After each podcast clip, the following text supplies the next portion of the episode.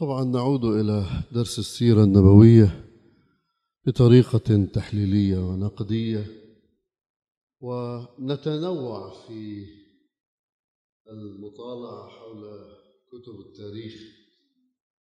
كنا بالسابق نتحدث عن آه، ابن جرير الطبري و- وعن تاريخ البخاري أو صحيح البخاري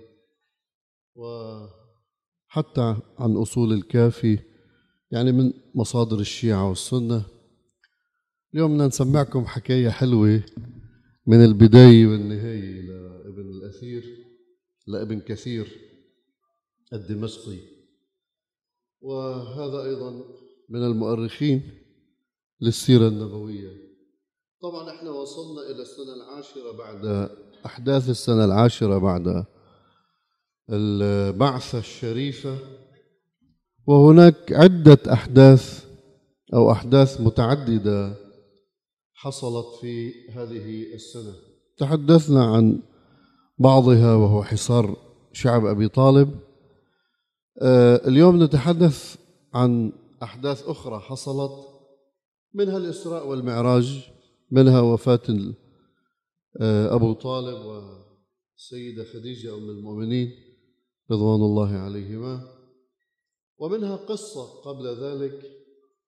كان النبي كما تعلمون وكما قلنا أنه يعرض الإسلام على كل إنسان سواء كان من علية القوم أو من صغار القوم. وكان يلتقي بكل الوفود التي تأتي إلى مكة ويعرض عليهم الإسلام.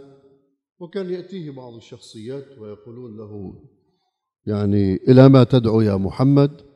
وهو يشرح لهم إلى ما يدعو. هذه كانت طريقة الدعوة بل كان يذهب إليهم يعني مش بس أنه هم يأتون إليه يذهب إليهم أينما كانوا ويدعوهم إلى الله وإلى نبذ عبادة الأصنام. قصة يذكرها هنا في مصارعة ركانة للنبي صارع ركانة دعاه إلى الإسلام. شخص ظاهر من الوجهاء. في قريش كما يحدث في سيرة ابن إسحاق يقول بأنه كان رسول الله يوما في بعض شعاب مكة فقال له رسول الله يا ركان ألا تتق الله وتقبل ما أدعوك إليه؟ قال إني لو أعلم أن الذي تقول حق لاتبعتك. فقال له رسول الله أفرأيت إن صرعتك أتعلم أن ما أقول حق؟ قال نعم. قال فقم حتى أصارعك. يعني من ضمن أساليب الدعوة إلى الله سبحانه وتعالى أنه النبي كان يدعي بالمصارعة. ها؟ هلأ فيك أنت تستفيد من هيك رواية للي بياخد فيها. قلتوا يا جماعة نحن نعمل مثلا آه، نوادي رياضية ومن خلال النوادي الرياضية ندعي الناس إلى الدين وإلى التوحيد وإلى يعني فضائل الإسلام وما إلى ذلك. ألا ترى أن رسول الله صارع رك- ركانة؟ طيب وصرعه ثلاث مرات مو مرة واثنين. وقال له تعال إذا أنا غلبتك تؤمن إذا ما غلبتك خليك اعبد الأصنام. شوف يعني بقولوا لك قال ليش تحكي على التاريخ الإسلامي؟ وليش بتضحك؟ وليش بتسخر؟ والله مش قادر أضبط نفسي يعني أنا عم حاول قد ما فيي ولا بدي أضحك ومش قادر. شو بدي أعمل يعني؟ يعني أنت والله هودي جماعة من كبار العلماء بيحترموا كتبهم. إنه النبي جاي يشتغل مصارعة لحتى لي حتى لي يدعى الناس إلى الدين. ومو بس ما اكتفوا بأنه دعاه إلى المصارعة والمغالبة.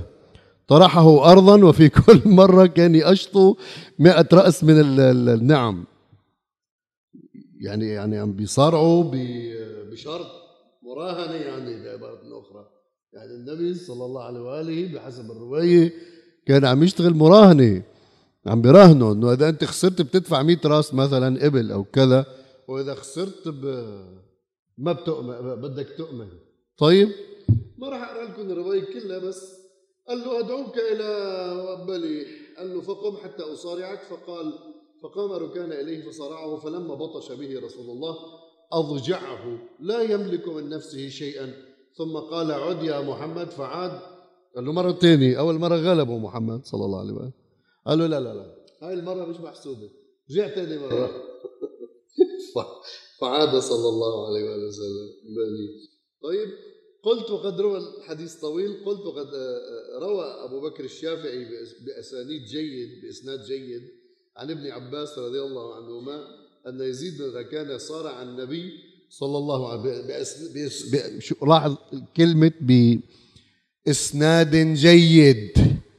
وهذا اللي نرجع نكرره أنه أنتم اشتغلتوا كل عمركم تفتشوا عن الرواة إذا هذول جماعة موثوقين ولا مش موثوقين؟ في الوقت اللي أنتم المفروض أنكم تناقشوا بالرواية مش بالرواة. خلي اللي يروي يروي. لأنه الكذابين كما نكرر دائما كانوا يضعون الروايات رواياتهم الكذب بأسماء ثقات طيب إذا أنت عندك تاريخ طويل عريض وأحاديث طويلة عريضة موضوعة بأسماء القدر المتيقن أن الكثير منها موضوع بأسماء ثقات وهي كذب على الله ورسوله شو بتعمل؟ بتروح بتعب نفسك سنين وتجهد نفسك وتؤلف الكتب في علم الرجال وفي أنه هذا موثق والله هذا مش موثق وهذا والإمام حل الإمام الصادق حل كل هاي القصقاصة حل بكلمتين إذا جاءكم الحديث عني من بر أو فاجر ما بيفرق. آدمي والله مش آدمي ثقي والله ثقة والله مش ثقة فاعرضوا على كتاب الله. إذا وافق الكتاب خذه. عرضه على العقل. إذا كانت مسألة تاريخية. طيب لاحظ مثلا هنا. قال بإسناد جيد. طيب يعني مقبول الرواية عنده فصرعه النبي ثلاث مرات كل مرة على مئة من الغنم.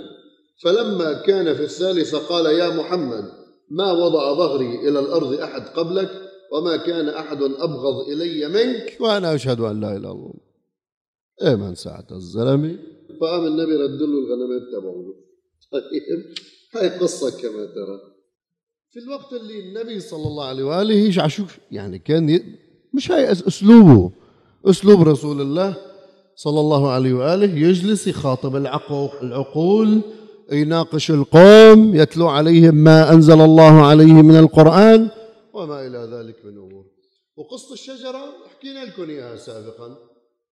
لذا مش رح نكرر. قصة انشقاق القمر أشرنا إلها بيجي كمان وقتها بعدين. بس كلها هي حكاية. أنه هيك رسول الله كان بهذا الأسلوب يدعو إلى الله أبدا. القصة الأخرى اللي واردة في كتب المسلمين وما شاء الله وهي كما يقال بأنه على الأغلب بأنها حدثت في في السنة العاشرة بعد البعثة ورويت بكل الطرق. يعني من ابن سعد لا طبق في طبقاته لسنن البهيقي لا ابن إسحاق لا ابن هشام لا الطبري لا لا كلهم رووا هاي الحادثة اللي هي الإسراء والمعراج.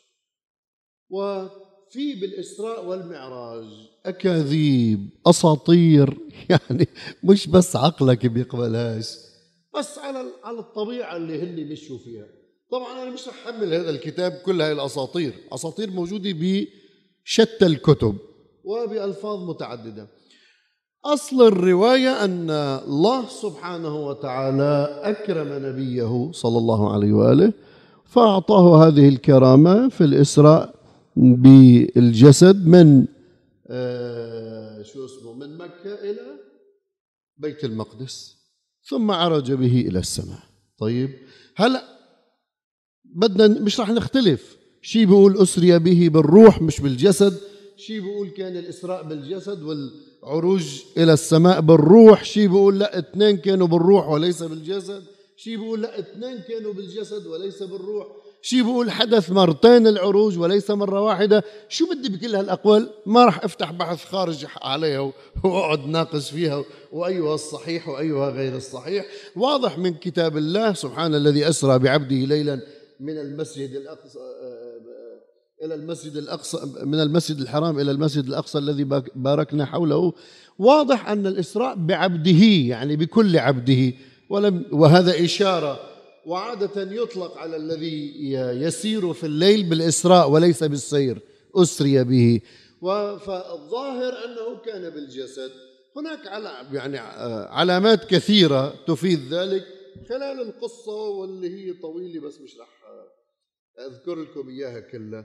مختصرة هي هاي. شو مختصرة؟ بقول أتى اللي روها أتى رسول الله آه، آه، جبرائيل جبريل عليه السلام نزل إلى رسول الله أتى بالبراق وهي الدابة التي كانت تحمل علي تحمل عليها الأنبياء قبله. طيب لحد هون. أول شيء كم نبي حمل على البراق؟ معلوم أنه الأنبياء أسري بهم إلى السماء؟ مش معلوم. الإسراء ما تم إلا لرسول الله محمد صلى الله عليه وآله. وين كانوا يحملون على البراق؟ مين كان يحملون؟ حتى تشوف كيف بتبلش مع كل كلمة ببلش ما راح لك الكذب ببلش الإشكال. أنه هذا أوكي في دابة اسمها البراق مش مشكلة. ما راح نختلف نحن وياك على التسمية. هلا هي دابة هي غير دابة هي والله جبريل عليه السلام نزل عمل له مركبة فضائية للنبي محمد وأخذه إلى من وإلى ما مشكلة. المهم أنه حصل الإسراء. لاحظ الجماعة شو بيشتغلوا المؤرخين؟ بيصيروا يشتغلوا بال بالبراق.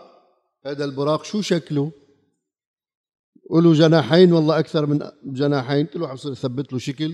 لونه شو؟ أبيض والله. مخطط ولا كذا. جناحه قديش طوله؟ بي بي بيحط على الأرض ولا ما بيحط؟ بضل أرفع من الأرض. واو واو واو واو. يعني قعدنا نشتغل بهالدبة. شو دينها؟ وشو لونها؟ وشو حكايتها؟ ونسينا شو؟ نسينا الكرامة تبع رسول الله صلى الله عليه وسلم.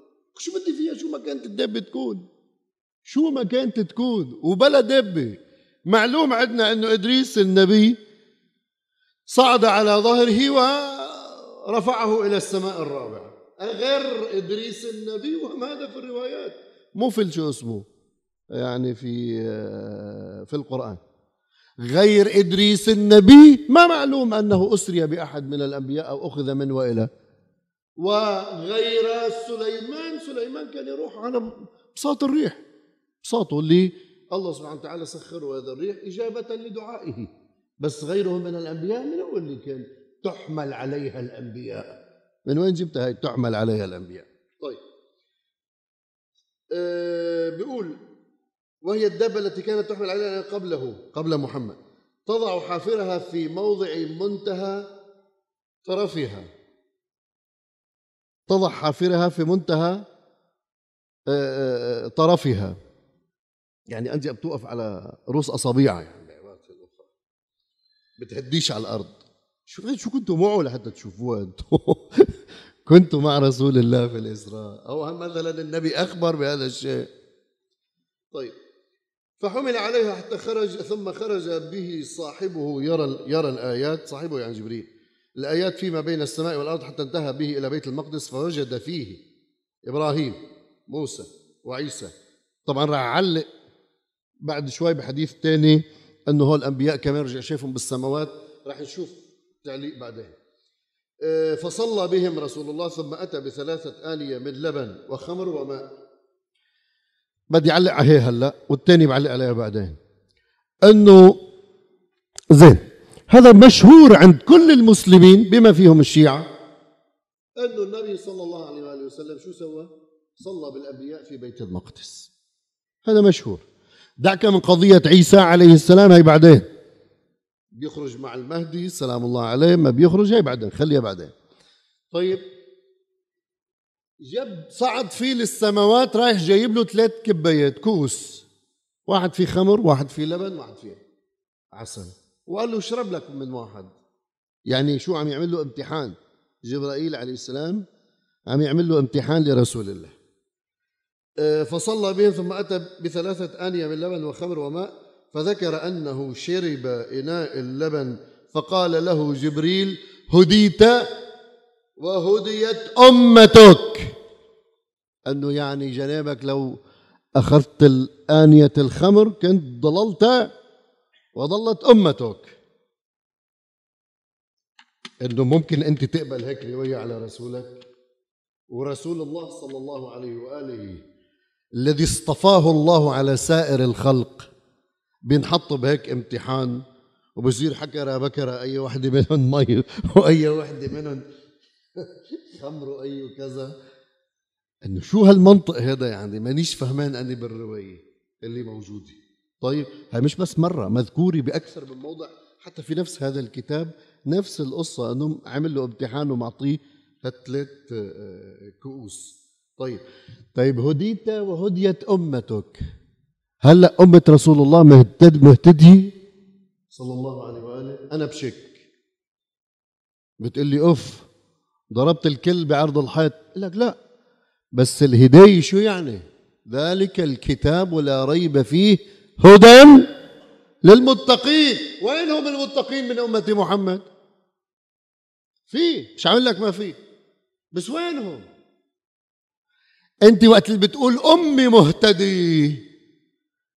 اذا قصدك بس لا اله الا الله محمد رسول الله أوكي ما اكثرهم ما شاء الله.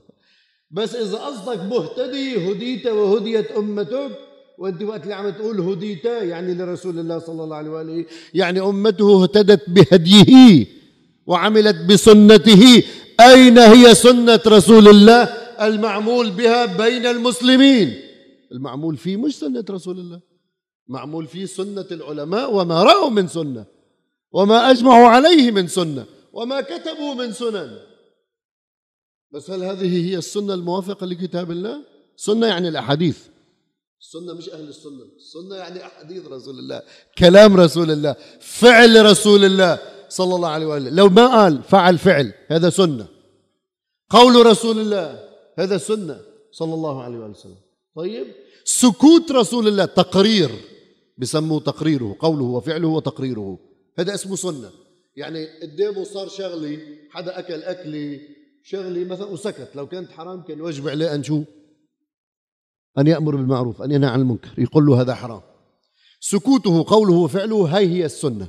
طيب أين هي هذه السنة المعلومة؟ طيب مش رح أعلق أكثر من هيك ولا رح أقول لك. الحديث طويل. ما شاء الله ما أكثره لنوصل لهون. فدل على أنه بالروح طبعا هذا الخلاف اللي قلت لك إياه بالروح والجسد ما رح فوت فيه على الإطلاق. رجع النبي صلى الله عليه وآله وسلم من مسيرته هذه وأخبروا قال لهم علامات. إحنا بوقت الإسراء عم نذكر هذه التفاصيل مش رح أذكر لك إياها هلأ بس أكتفي بهذا لأنه أنا عم بعطي بس شيء تحليل. وصلنا هون مثلا وقد حكى المهلب بن أبي صفرة في شرحه البخاري عن طائفة أنهم ذهبوا إلى أن الإسراء مرتين مرة بروحه مناما ومرة ببدنه وروحه يقظة. وقد حكاه الحافظ أبو القاسم السهيلي عن شيخه فلان فلان. يعني آه، وقال في آخره ثم استيقظت فإذا أنا في الحجر. يعني في حجر في الحد الكعبة حجر إسماعيل.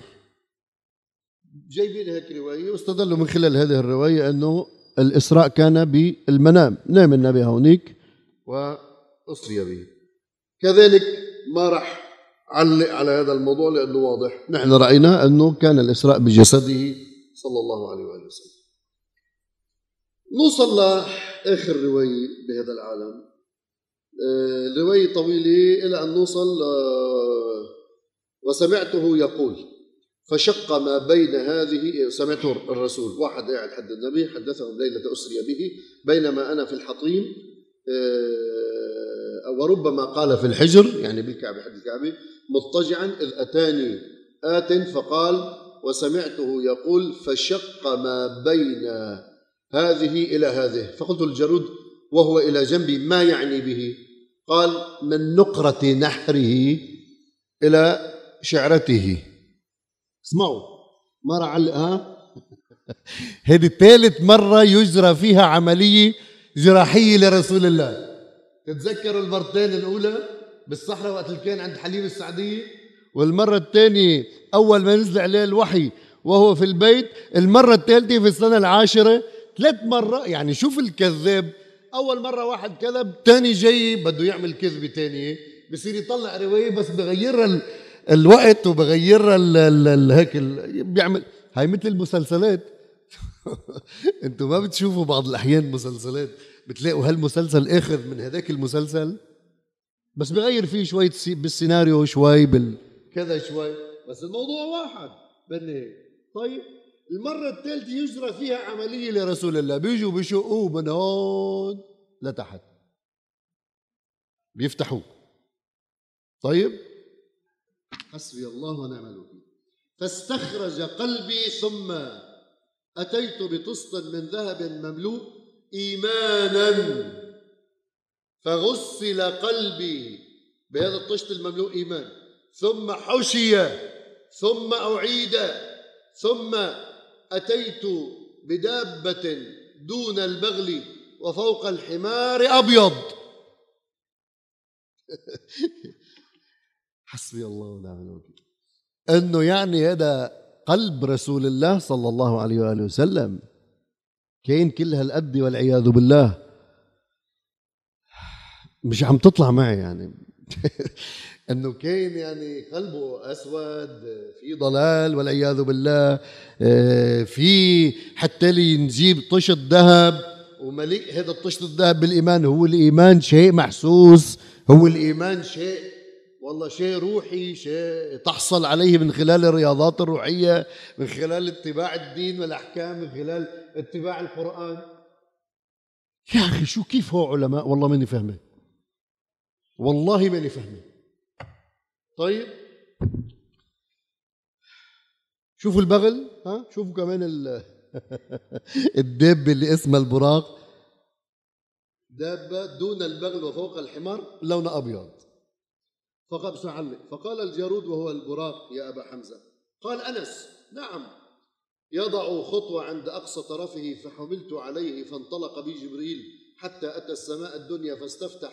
قيل من هذا؟ قال جبرائيل قيل ومن معك؟ قال محمد. قيل وماذا أرسل إليه؟ قال نعم. قيل مرحبا به فنعم المجيء جاء ففتح. فلما خلصت فإذا فيها آدم. ثم سلم عليه وحكي معه طلع على السماء الثانية سأل مين منتي؟ قال له جبريل مين معك؟ محمد. أهلا وسهلا شو؟ بما أرسل. الثالثة الرابعة الخامسة السادسة السابعة. طويلة ما شاء الله ليكم كلها بالأحمر كلها لنوصل لهون. مش حقرا لكم إياها. طيب وصلنا لهون. ثم رفعت رفعت إلى سدرة المنتهى. آخر شيء. هذا أبوك إبراهيم فسلم عليه فسلمت عليه. فرد السلام ثم قال مرحبا بالابن الصالح والنبي الصالح. ثم رفعت إلى سدرة المنتهى وإذا أربعة أنهر. نهران ظاهران ونهران باطنان. فقلت ما هذا يا جبرائيل؟ قال أما الباطنان فنهران في الجنة وأما الظاهران فالنيل والفرات. يعني نيالهم أهل العراق ونيالهم أهل مصر. النيل بينبع من وين؟ من سدرة المنتهى. والفرات بينبع من وين؟ من سدرة المنتهى فوق السماء السابعة من سدرة المنتهى. شو بدكم يعني أضحك؟ أحسن ما ألطم. شبعنا لطم فقلت ما بالي وأما الظاهران في النيل والفرات. ثم رفع إلى لي البيت المعمور. آه، يدخله كل يوم سبعون ألف ملك مصر. ثم أتيت بإناء من خمر مرتين يعمل له شو؟ امتحان. جاب له يا أخي إذا جايب له إناء من خمر في السماء السابعة ما هذا الجنة فيها أنهار من من من خمر لذة للشاربين ليش بده إذا أخذ؟ خليه يأخذ. فرضا يعني.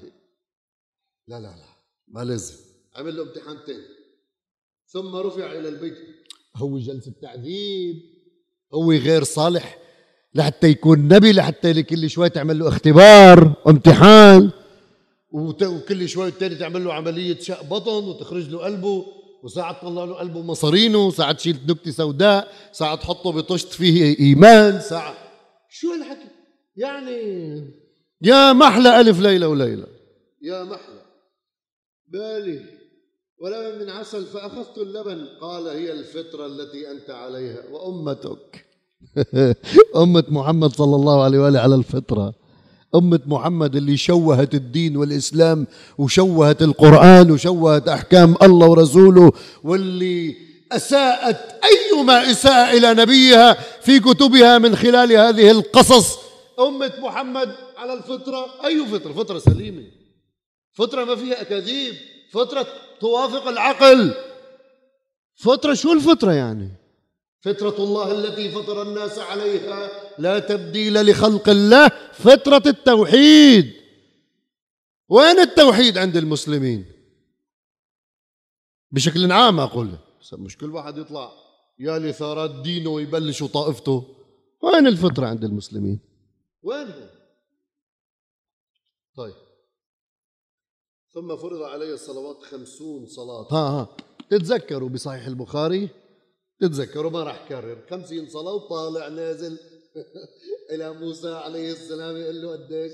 لا ارجع لربك خليه ينزل. فعد عملوها هيك. صولد أول مرة عشرة ثاني مرة نقص له عشرة ثالث مرة عشرة رابع مرة عشرة خامس مرة سقط له خمسة. قال له لا كتير خمسة. موسى هم اعترض. لا كتير خمسة. رجع اطلع لعند ربك خليه شو؟ إيه نقص. قال له لا لا لا, لا. ما عاد اطلع. هذا بصحيح البخاري. قال له لا لا صرت استحي اطلع وارجع. وخلص شو عيب كل شوي الثاني رايحين جايين لعند الله. ما بيصير هالحكي. هي بالبخاري. هنا شو؟ قال سألت ربي حتى استحييت ولكن أرضى وأسلم. خلص. خلص أرضى بالخمسة معلش خلينا نمشيها خمس. قال فلما جاوزت ناداني مناد أمضيت فريضتي وخففت عن عبادي. إنه كل هالقصقيصة ليش؟ ما زال فريضة الله خمس صلوات. كل هالقصقيصة طالع نازل طالع نازل خمس مرات لينقص من الصلاة وبتوجيه من موسى يعني نبي اليهود. حتى يقولوا أنه نبيكم. نبيكم مين؟ مون مانو نبي. نبيكم مين؟ موسى. موسى اللي قلبوا عليكم ارجعوا لليهودية. اليهودية صح من الإسلام. كمان في هذا الكتاب البداية والنهاية ما شاء الله. هكذا روى البخاري هذا الحديث هنا وقد رواه في مواضع أخرى من صحيح صحيح صحيحه ومسلم والترمذي والنسائي من طرق عن قتادة عن أنس عن مالك بن صعصعة ورويناه في حديث أنس بن مالك عن أبي عن أبي بن كعب وعن حديث أنس عن أبي عن أبي ذر. شوف شوف شوف شوف الطرق. حتى لزقوها بأبو ذر. أبو ذر إيدمي أنس بن مالك يؤخذ راوي جليل يؤخذ بروايته عند إخواننا من أهل السنة من أهل العامة. طيب أما أبي بن كعب شي بيوثقه شي بيقول كذاب. بضاع ما خصني بس اللي عامل لك إياه إنه شوف بمين لازقين الروايات. شوف بمين؟ بهذول ابن عباس قتادة الحسن جبائي. شوف بمين لازقين الروايات ومن طرق كثيرة عن أنس كذا وقد ذكرنا ذلك مستقصى بطرقه وألفاظه في التفسير. إلخ إلخ إلخ إلخ. طيب هذا هو هذا الإسراء بهالشكل ونقد ما جاء في بعض أحاديث الإسراء. وبعض أحاديث المعراج وإلا إذا بدي فوت بعالم الإسراء وبعالم المعراج ما بتخلص. ها نسيت علق لك. وقت اللي طلع نبي نبي نبي كلهم بالأنبياء موجودين بالسماوات وصلى فيهم بالقدس. أنا أرى رأيي خلاف كل المسلمين. وما جعلنا لبشر من قبلك الخلد أفإن مت أفهم الخالدون فإذا كله شو؟ إنك ميت وإنهم ميتون. ليش طلعتوهم أحياء كلهم سوا ماتوا. وما أنت بمسمع من في القبور. أنا زلمة حرفي على النص القرآني. أتعبد بحرفية القرآن. والقرآن يفسر بعضه بعضا. وقلت لكم سابقا أنني حتى أعتقد بأن عيسى ابن مريم مات. مات. ولم وليس حيا كما يعتقد الشيعة والسنة والمسيحيين. وقلت لكم يومها دليلي ما بعرف إذا بتذكروا موتها. قال يا عيسى ابن مريم إني متوفيك ورافعك إلي. متوفيك بفسرها بالآية الثانية الله يتوفى الأنفس حين موتها حين موتها. يعني اني متوفيك يعني شو؟ يعني مات. رافعك الي رفعه بروحه وليس بجسده. بتقلي وينه؟ كيفه؟ بيندفنوا هل توفيه بيوكل فيه ملايكة يدفنوه بشي مطرح بشي حكاية. الله العالم. لكن ما في حدا حي على الإطلاق في الدنيا. أنا أعتقد حتى العبد الصالح اللي بيسموه الخضر واللي اختلفوا في نبوته أعتقد أنه مات. بناء على هذه الآيات وغيرها من الآيات. بتقلي في آية بالقرآن بتقول وما من وإن من أحد كذا أو ما من أحد من أهل الكتاب لسه بالمعنى لا علي. إلا ليؤمنن به قبل موته. ليؤمنن به يعني بعيسى عم يحكي عن عيسى. مين اللي قال إنه الضمير يرجع إلى عيسى؟ إنه عيسى بعده ما مات وفيش حدا من أهل الكتاب إلا سيؤمن به قبل موت عيسى يعني عيسى ما مات وبعده حي وسيخرج مع الإمام المهدي وبعد ما يموت ساعتها ساعتها بيموت. أما قبل هيك كله يؤمن به طيب بركي الضمير راجع وإن من أحد من أهل الكتاب. بركي راجع لأهل الكتاب مش لعيسى. إنه ما في حدا من أهل الكتاب يموت إلا حين الموت يؤمن بأن عيسى نبي وليس إله. ليش؟ لأنه الله سبحانه وتعالى عند قبض الروح وسكرات الموت فبصرك اليوم حديد. تنكشف الحجب فبيعرف أنه نبي وليس إله. يعني قبل موت الكتابي قبل موت المسيحي الذي آمن بعيسى قبل موته يؤمن بأنه نبي وليس إله. أنا هيك بفسرها ليش أنت بدك تفسرها؟ بدك تفسرها هيك انت حر فاذا هذا باختصار بحث طويل اختصاره هو هذا. هذا ما أدين الله به بحسب الأدلة القرآنية اللي بين يدي. بكتفي بهالمقدار والحمد لله رب العالمين.